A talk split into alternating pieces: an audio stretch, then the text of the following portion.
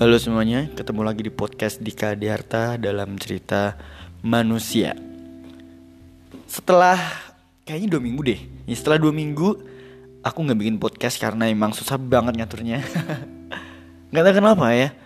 Uh, aku ini sih soalnya sok sibuk aja gitu kan.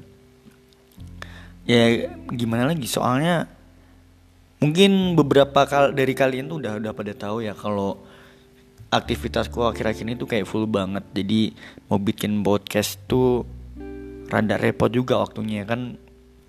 Karena kalau bikin podcast tuh kita harus punya referensi dulu kita harus punya pegangan uh, sesuatu untuk kita bicarakan di podcastnya. Kalau kita nggak punya pegangan kan gimana coba? Makanya kalau bikin sebelum bikin podcast aku selalu cari referensi baca-baca buku dulu baca-baca jurnal dulu baru dapat referensi terus kita obrolin. Ya entah itu ngomongin politik kayak ngomongin ya ngomongin apa pun lah. Nggak cuma politik namanya juga cerita manusia ya nggak sih? Kayak kita harus uh, banyak ngobrol tentang sisi lain dari manusia. Manusia itu kan banyak banget ya tentang uh, tentang kehidupannya udah banyak banyak banget. Entah yang itu lucu-lucu kayak atau yang serius atau tentang apa pun lah itu ya kita pokoknya kita obrolin tentang kehidupan manusia semuanya. Ya penting nggak penting sih cuman ya siapa tahu uh, bisa nemenin kalian gitu. Ya kalau di podcast tuh gimana ya? Enak ya kalau ngomongin di podcast tuh kalau ngomongin lagi lagi ngomongin politik itu kayak nggak eh, nggak mungkin kena sanksi gitu. Ya, cuman ya gak boleh juga sih kayak ngobrolin apa kita langsung rasis ke orang tuh gak boleh juga sih ya. Banyak juga dong kalau kayak gitu sama aja itu ngelanggar hak orang lain. Uh, ini tuh udah akhir tahun ya. Aku ngambil podcast ini sekarang tanggal 31 Kayaknya uh, sore tanggal 31 nanti bakal tayang. Uh, Jadi aku tuh pengen ngomongin apa ya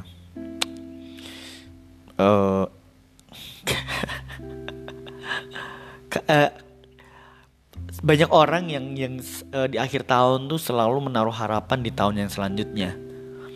Uh, atau di tahun-tahun yang akan datang atau tahun yang baru gitu. Jadi kayak ih ya ampun gak sabar banget deh pengen menyambut tahun baru. Ih apalagi bentar lagi tahun 2022 semoga tahun 2022 nanti aku akan bisa lebih baik kita akan bisa lebih baik. Semua itu uh, pergantian tahun itu hanyalah sebuah waktu. Bahkan kita bisa merubah diri kita sendiri saat ini dan satu jam yang akan datang. Sebetulnya sih bisa. Semua itu hanyalah waktu. Waktu itu terus saja berjalan gitu. Kita jangan terlalu bahagia untuk menyambut. Menurutku kayak gitu ya. Kita jangan terlalu berbahagia menyambut tahun 2022 karena sebetulnya Tuhan juga akan menyediakan kejutan-kejutan baru untuk hamba-hambanya di dunia. Entah itu tahun 2022, entah itu uh, kapan, pokoknya kapan pun di masa yang akan datang Tuhan itu selalu menyiapkan kejutan-kejutan entah itu berupa uh, tangisan kebahagiaan atau tangisan kesedihan. Itu Tuhan selalu sudah mempunyai uh, sebuah keranjang, yang keranjang yang uh, kanan itu menyediakan sebuah kebaikan, keranjang kedua menyediakan untuk ujian agar kita mampu atau bisa jadi kerajaan kiri ini bisa jadi laknat dari Tuhan loh. Ya tergantung kita milih yang mana ya. Kalau milih yang kanan ya kita harus dekat sama Tuhan. Kayak kita juga ibaratnya tuh gini.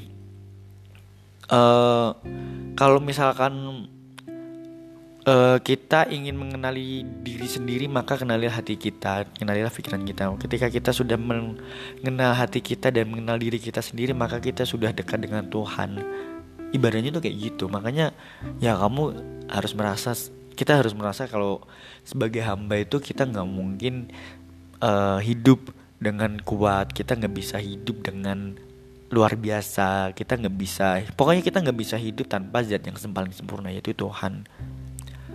Dan uh, banyak banget yang berharap ya itu itu nggak salah kalian dan uh, aku juga pastinya berharap gitu.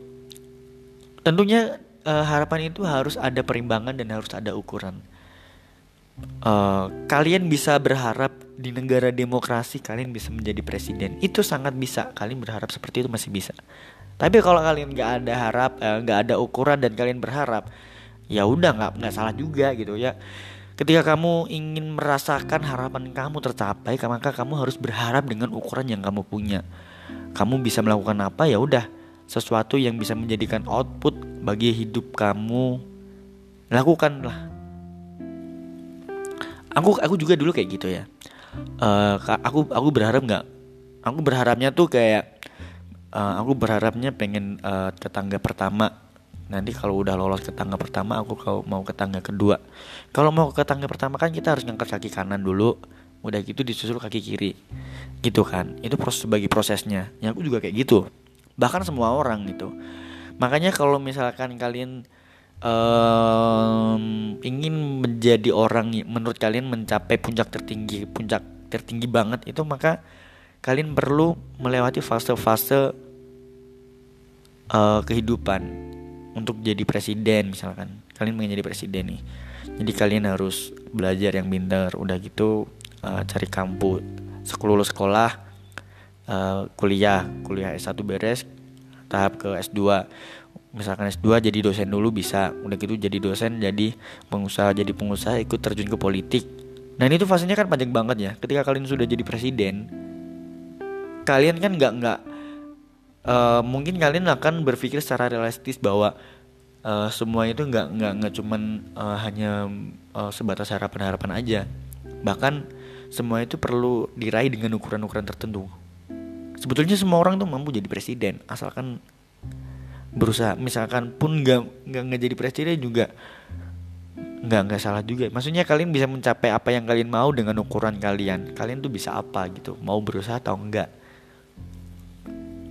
dan uh, mungkin ada faktor lain yang menghambat harapan-harapan kita di tahun kayak tahun 2000 eh, corona masuk tahun 2000 berapa sih? Tahun 2020 awal.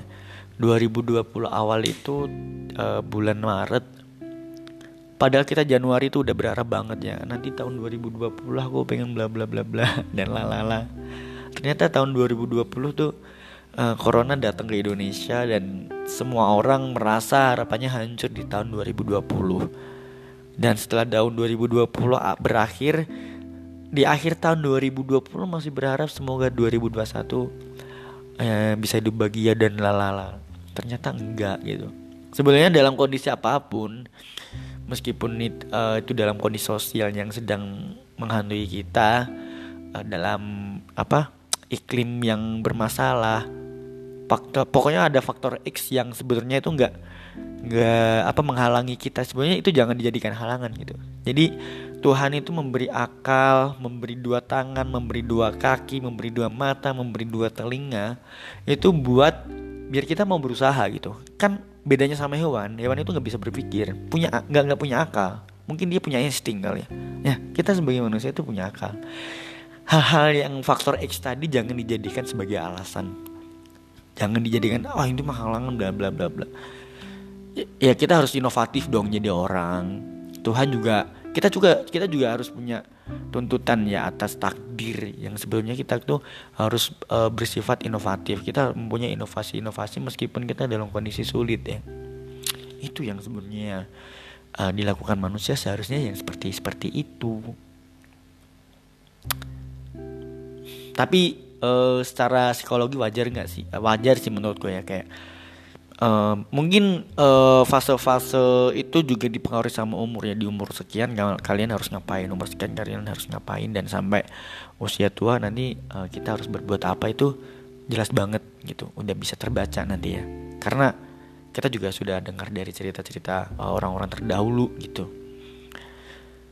Uh, bahkan yang lagi happening banget tuh apa ya uh, istilahnya tuh um,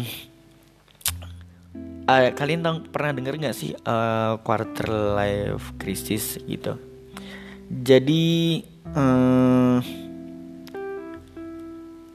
apa ya quarter of life uh, low, uh, quarter life crisis itu lagi happening banget ya karena uh, itu adalah periode saat uh, seseorang itu berusia 18 mungkin 18 19 20 sampai ya kalau nggak salah sampai 30 ya sampai usia 30 tahun yang yang merasa mereka itu mungkin masih labil ya karena dia itu kehilangan arah.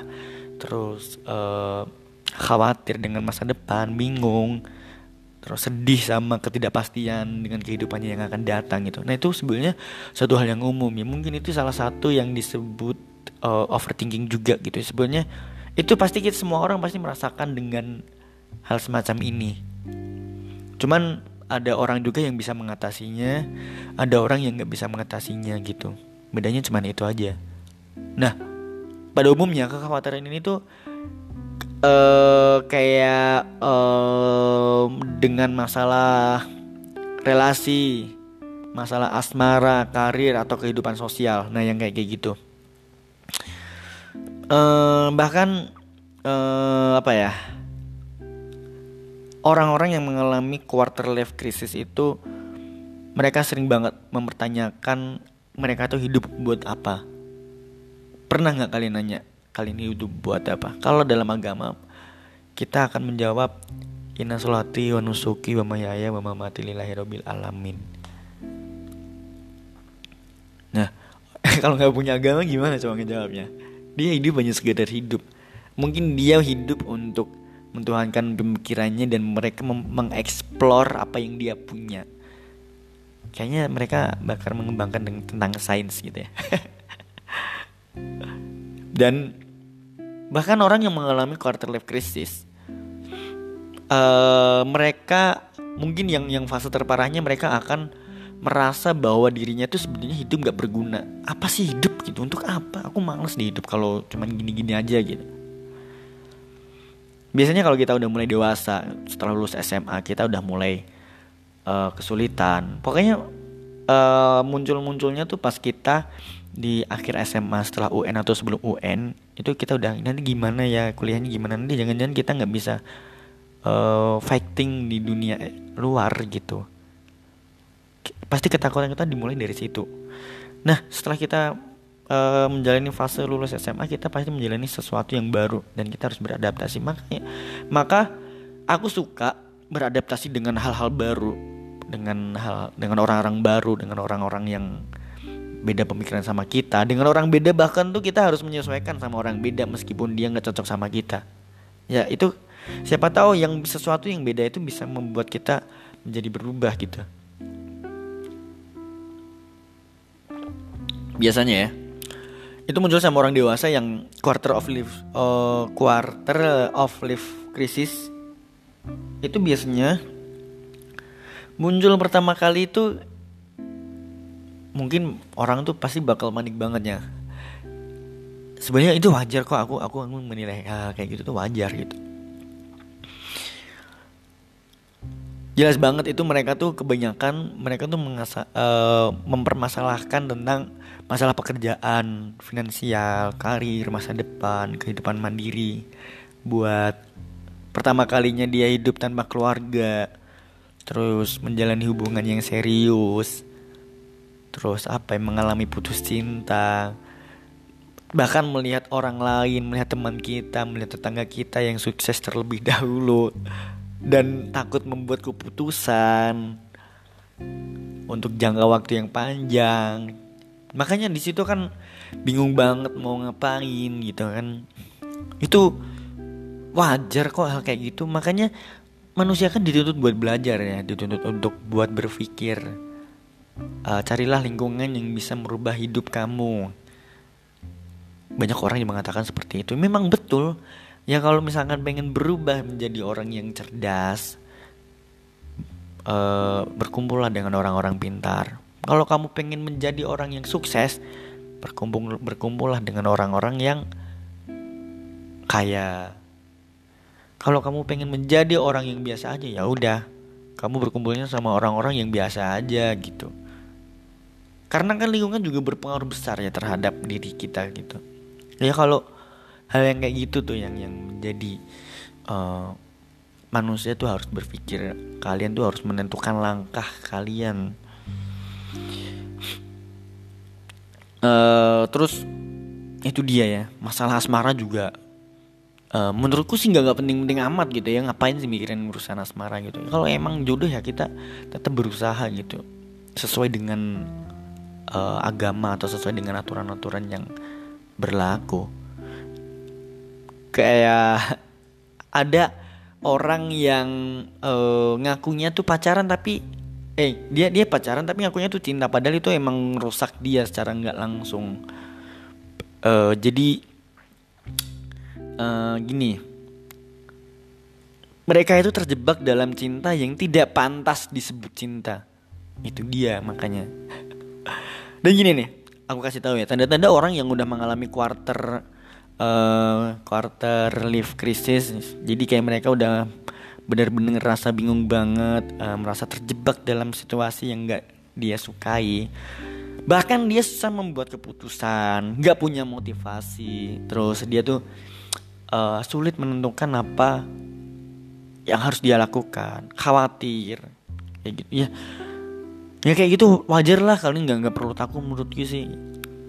Tapi hal, -hal kayak gitu bisa diatasi sih. Bah bahkan uh, kalau kalian kalian tuh harus mampu menghadapi diri kalian sendiri.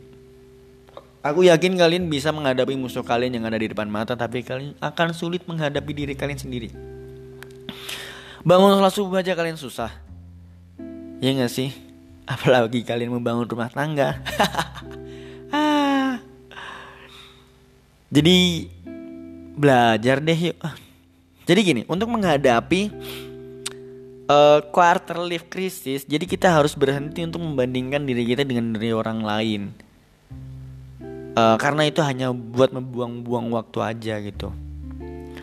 Terus uh, ubah keraguan kita itu menjadi sebuah tindakan. Jadi uh, raihlah kesuksesanmu setinggi keraguanmu. Itu pasti bakal apa ya? Bakal oke okay banget gitu